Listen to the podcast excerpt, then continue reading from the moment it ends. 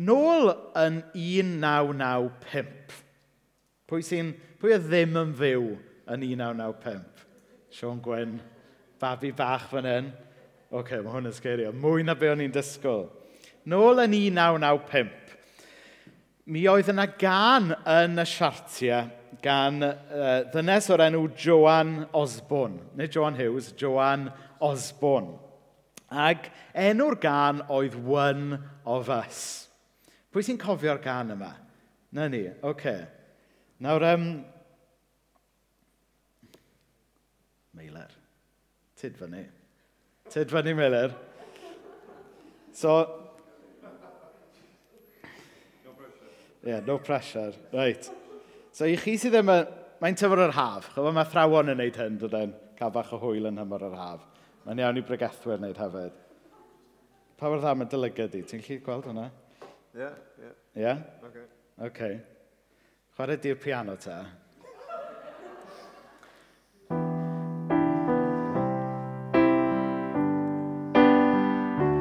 What if God was one of us? Chi'n cofio'r gama? Yeah? Okay. Just a slob like one of us. Just a stranger on the bus. Trying to make his way home. Well, probably kind of octave efo, ond... Um, nawr. If God had a face what would it look like one of the sun? And would you want to see if seeing meant that... Yeah, okay, great. Clap i Meilir. Okay. So, right. So, ie. Yeah. Da chi'n cofio'r gan nawr? Mae rhai bod, yn, rhai bod chi'n cofio fe ar ôl y perfformiad perffaith yna. Gan Feilir a fi yna. Diolch, Feilir. Eh? O, mae ni trwy nos yn y farfer. Ie, yeah, so can yn gofyn y cwestiwn, what if God was one of us? A dden gan oedd ar y radio trwy'r amser yn y cyfnod yna, dwi'n cofio a llemenwi unrhyw can arall gan Joan Osborne, dri yna hi. Ond oedd hwnna yn bach o one hit wonder o be dwi'n cofio. What if God was one of us? A dyna mewn ffordd ydy'r cwestiwn dwi eisiau edrych arno borma. What if God was one of us? Nawr, ar rywydd, does dim modd i ni brofi bodolaeth Dyw. O leia does dim ffordd o brofi bodolaeth Dyw mewn ffordd gallwn ni fesur yn hawdd. Ond eto, mae haneswyr, yn arbennig haneswyr yr hen fyd, yn sicr fod Iesu o Nazareth yn ffigwr hanesyddol. Um, nid yn unig fod y testament newydd yn ôl safonau haneswyr yr hen fyd yn ffynhonell dibynadwy iawn, ond hefyd mae yna haneswyr eraill o'r cyfnod. Josephus, yr hanesydd iddewig, Tacitus, yr hanesydd rhufeinig. Maen nhw i gyd yn sôn am Iesu Grist o Nazareth. Mi oedd e yn ffigwr hanesyddol. A mae'n research assistant i, Paul, sy'n ystafynnu yn y cefn, wedi um, dyma, dyma lun, nid actual llun o Iesu Grist, dydy Paul hefyd yn y tardus nôl um, i Palestina, ond dyma typical llun um, o sut fysa rhywun o'r rhan yna o'r byd yn edrych yn amser Iesu Grist. A mae'n ddiddorol yn dydy. Ti'n bod, yr, yr Iesu o Nazareth, yr Iesu hanesyddol. Ac um, So, mae pawb, mae haneswyr yn cytuno fod yna'r fath berson a Iesu o Nazareth wedi bod. Ond y cwestiwn mwy felly yw, ai yr Iesu o Nazareth yma oedd Dyw? What if God was one of us? Nawr, ar un wedd, mae e'n gwestiwn hirt yn dydy. Mae e'n cleim enfawr i rywun wneud. Sut mae dyn cyffredin o Nazareth hefyd yn gallu bod yn ddiw? Sut y gallwn ni ddweud fod y person nad greu y bydysawd a sy'n dal y bydysawd yma gyda'i gilydd hefyd yn berson cyffredin oedd wedi byw ar y ddeiar yma fel ni. Ond yr honiad hirt enfawr yma ydy un o'r pethau mwyaf canolog i'r ffydd grisnogol. Achos fel Cresnogion, da ni ddim yn credu fod Iesu jyst yn atgoffa ni o ddew. Da ni ddim yn credu fod Iesu jyst yn pwyntio ni at ddew. Da ni ddim yn meddwl bod Iesu yn rhyw fath o Madam Tussauds o ddew. Ond da ni yn honni mae Iesu ydy Dew i hun. Fel oedd yr adnodau yn, heb, yn hebreiaid yn dweud deitha ni. Ond bellach, yn y cyfnod olaf hwn, mae wedi siarad â ni drwy ei fab. Mae'n dangos i ni yn berffaith sut un ydy Dyw. Yn dangos i ni'n berffaith sut un ydy Dyw. Mae Dyw wedi bod fel Iesu erioed. Fi oedd na ddim amser lle oedd Dyw ddim fel Iesu. Nawr, mae yna duedd gan bobl i feddwl bod Dyw wedi cael personality change hanner ffordd trwy'r Beibl. Okay? Dwi hyd yn oed wedi clywed rhai pobl yn dweud fod Dyw wedi dod yn gristion – erbyn y testament newydd. Dwi wedi clywed pobl yn dweud hynna hyd yn oed. Oedd gyda fi ffrind yn coleg oedd arfer dweud fod Dyw yn right wing yn yr hen testament a fod yn left wing yn y testament newydd. Chyfod? Ac da ni gyd yn chwerthin, ond da ni'n ni, ni gallu deall pam bod pobl yn dod i'r casgliad anghywir yna, dydyn, o feddwl fod, fod Dyw rhywsyd wedi newid, neu fod Dyw wedi cael change of heart, neu fod Dyw chyfo, wedi wedi cael rhyw PR company ddo mewn a, a wedi helpu fe newid. Ond na, mae Dyw wastad wedi bod fel Iesu. Dim ond fod yna amser mewn hanes, lle falle doedden ni ddim wedi sylweddoli a gwerthfarogi hynny. A mi oedd rhaid ni aros tan fod Dyw wedi datgyddio, dangos i hun i ni yn fwyaf clir yn Iesu Grist. Chybod, mae yna weithiau, da chi'n clywed yn dydych am rhywun,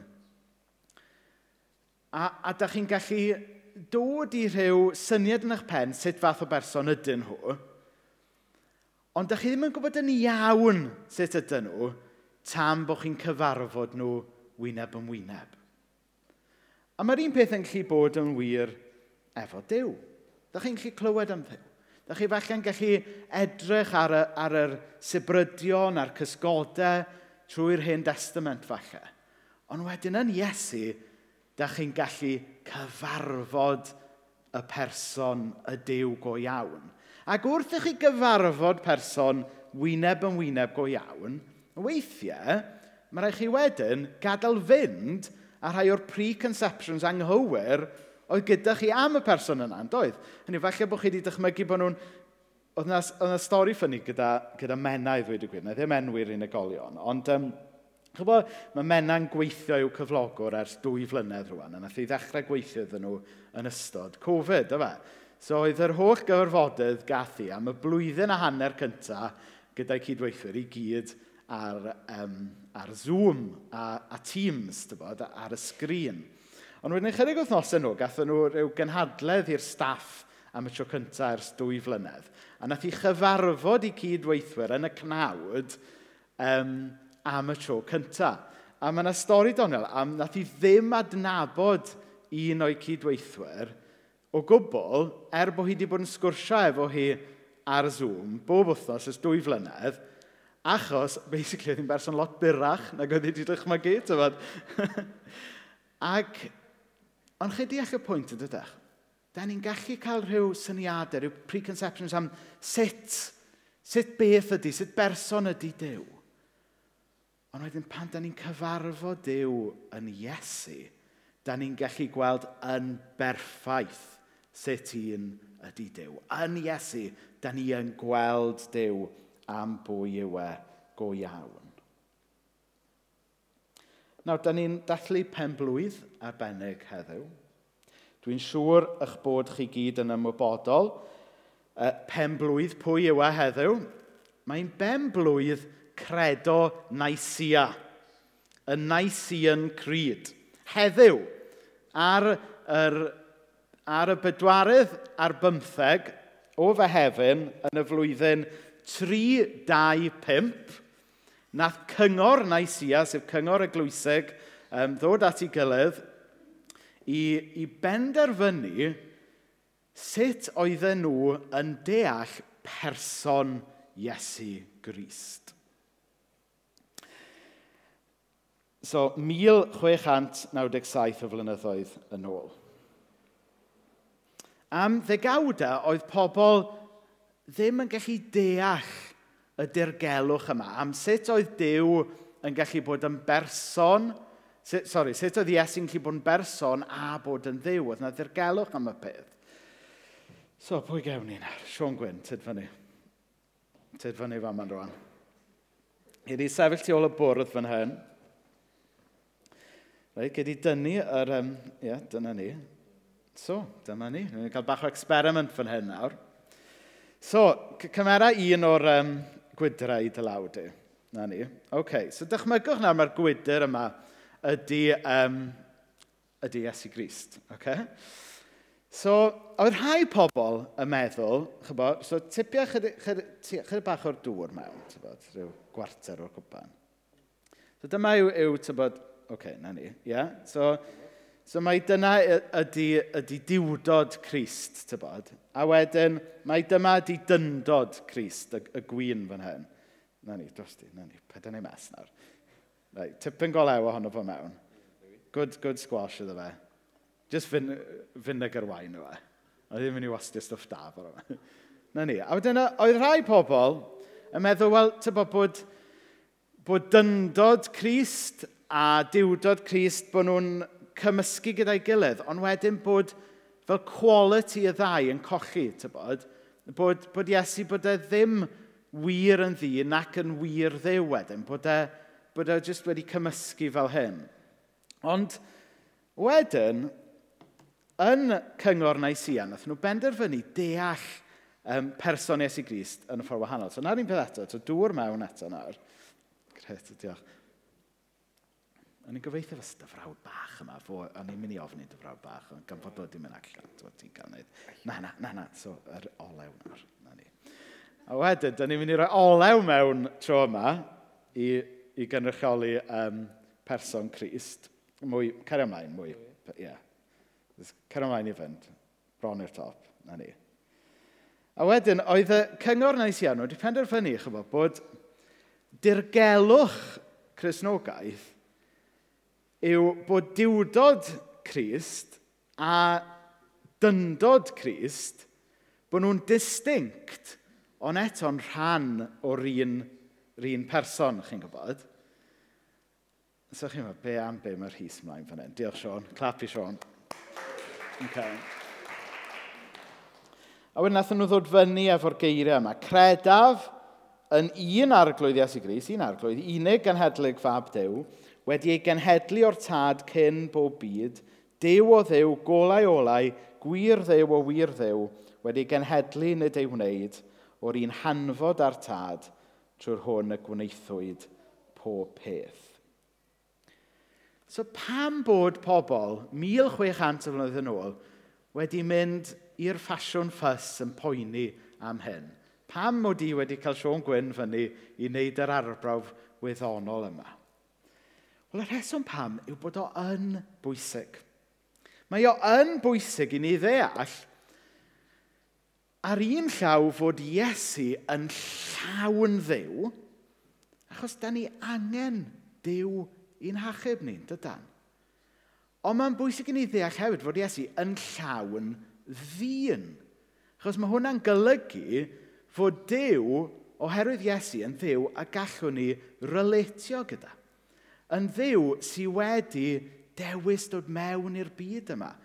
Yn diw y gallwn ni alw yn frawd ac yn ffrind. Yn ddiw sy'n gallu cydymdeimlo gyda ni. Yn ddiw sy'n gallu crio gyda ni. Gan rifoedd wedyn, ar ôl i'r dynion yn Naisia feddwl bod nhw wedi sortio fo'i gyd allan, oedd yna wraig ifanc o ganolbarth Cymru wedi esbonio fe mewn ffordd lot gwell. A'i enw hi oedd Anne Griffiths, a sgwennu ymyna. A mae hi'n dweud fel hyn, O am gael ffydd i edrych gyda'r angylion fri, i drefn yr iachawdwriaeth, dirgelwch yn ddi sydd, Oes, mae yna ddirgelwch yn does fod y Dyw mawr wedi dod fel person. Dwy natur mewn un person. So chi'n gweld e nawr? Fytha, dwy natur, yr olew a'r dŵr, ond mewn un person, mewn un gwydr. Yn an wahanol mwy. Mewn purdeb heb gymysgu yn ei perfeithrwydd hwy. Felly, jyst achos fo Iesu'n ddyn, dwi ddim yn golygu bod e'n llai o ddew, Ac achos bod e'n ddiw, dwi e ddim yn golygu bod e'n llai o ddyn. Mae Iesu Grist yn berffaith yn ei ddiwdod ac yn berffaith yn ei ddyndod. O fenaid gwel a ddasrwydd y person, person dwyfol hwn, y god man. O fenaid gwel a ddasrwydd. I chi'n gweld pa mor addas ydy Iesu fel Dyw i ni. Chos weithiau, da ni angen Dyw mawr cryf i frwydro yn brwydrau a'n achub ni'n dydan.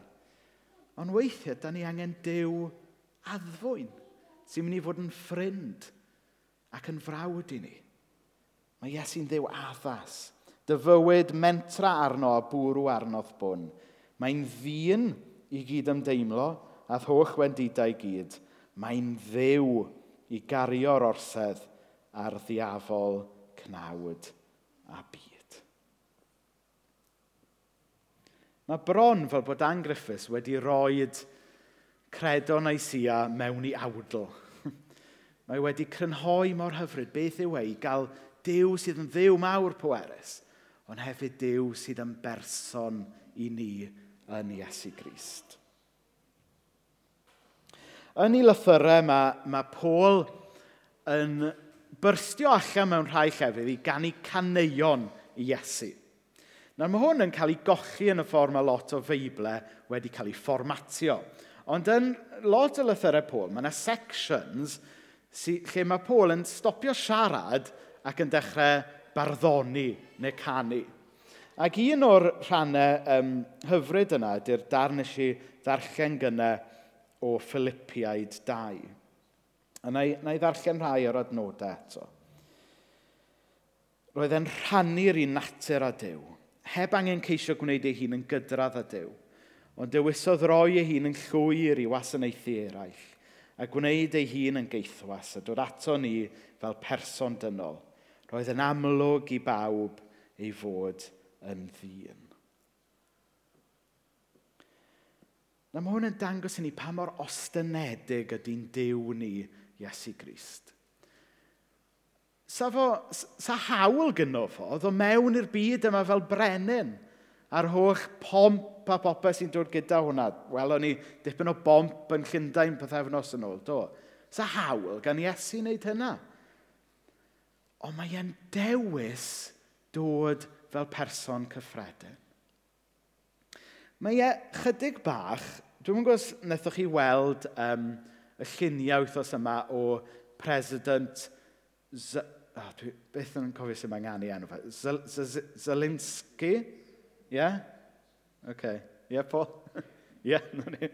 President Zelensky yn cyfarfod Boris Johnson a rhai o'r arweinwyr gwladol eraill. Oedd, oedd Boris a rhai o'r arweinwyr eraill i gyd, chybo, ni siwts posh a'r red carpet allan o'i jumbo jets. Ond oedd Zelinski yna just yn ei khaki t-shirt fel mae e wedi bod dros yn ysod diwetha. Dy hwnna ddim yn golygu fod Zelinski yn llai o arlywydd, nac yn llai pwysig, nac yn heiddio'r un statws ar arweinwyr eraill. Ond oherwydd be mae bobl e yn mynd trwyddo ar hyn o bryd, mae e'n dewis gwisgo mewn ffordd cyffredin, byw bywyd cyffredin, er mwyn i'n ieithu hun efo pobl i wlad. A mae hwnna'n helpu ni ddechrau deall gymaint mae Iesu'n caru ni. Sa fo wedi gallu dod mewn i'r byd yma fel brenin brenhinoedd gyda'r holl pomp a'r rhwysg oedd yn dod gyda hynna. Ond oherwydd bod o yn caru ni. Mae e'n dewis dod mewn i'r byd yma yn ostynedig fel person cyffredin er mwyn byw bywyd gyda ni, i grio dagre gyda ni, i gerdded efo ni, ac yn y diwedd i farw drosto ni, achos bod o yn yn caru ni. Os gyda ni ddim dew sy'n llawn ohono fo ei hun, mae gennym ni ddew sydd wedi ymwadu a fo ei hun mewn ffordd oherwydd bod o yn yn caru ni ac eisiau achub y byd yma. Pan dwi'n meddwl am Iesu Grist, pan dwi'n meddwl ynglyn â Iesu Grist, y dew a'r brenin, mae'r ma math yna o beth yn, yn fysynu. Ond os dwi'n hollol honest, pan dwi'n meddwl am Iesu, y person, dwi'n teimlo lwmp yn yng a weithiau deigryn yn llygad. Dyna lle mae maint cariad Dyw yn effeithio fi ddyfna. Wrth feddwl bod y dew, dew y bydysawd wedi dewis dod fel person ata ni. Dwi'n cofio um, un o'r pethau oedd yn had cu arfer deud, o bod o'n bwysig i ni gofio, mae nid syniad, nid concept fi oedd farw ar y groes, ond person. Dyw wedi dewis dod fel person i farw drosto ni. What if God was one of us? Wel, mewn ffordd, God was one of us. Ond mewn ffordd arall, doedd o ddim fel ni o gwbl. Achos nath o fyw bywyd perffaith.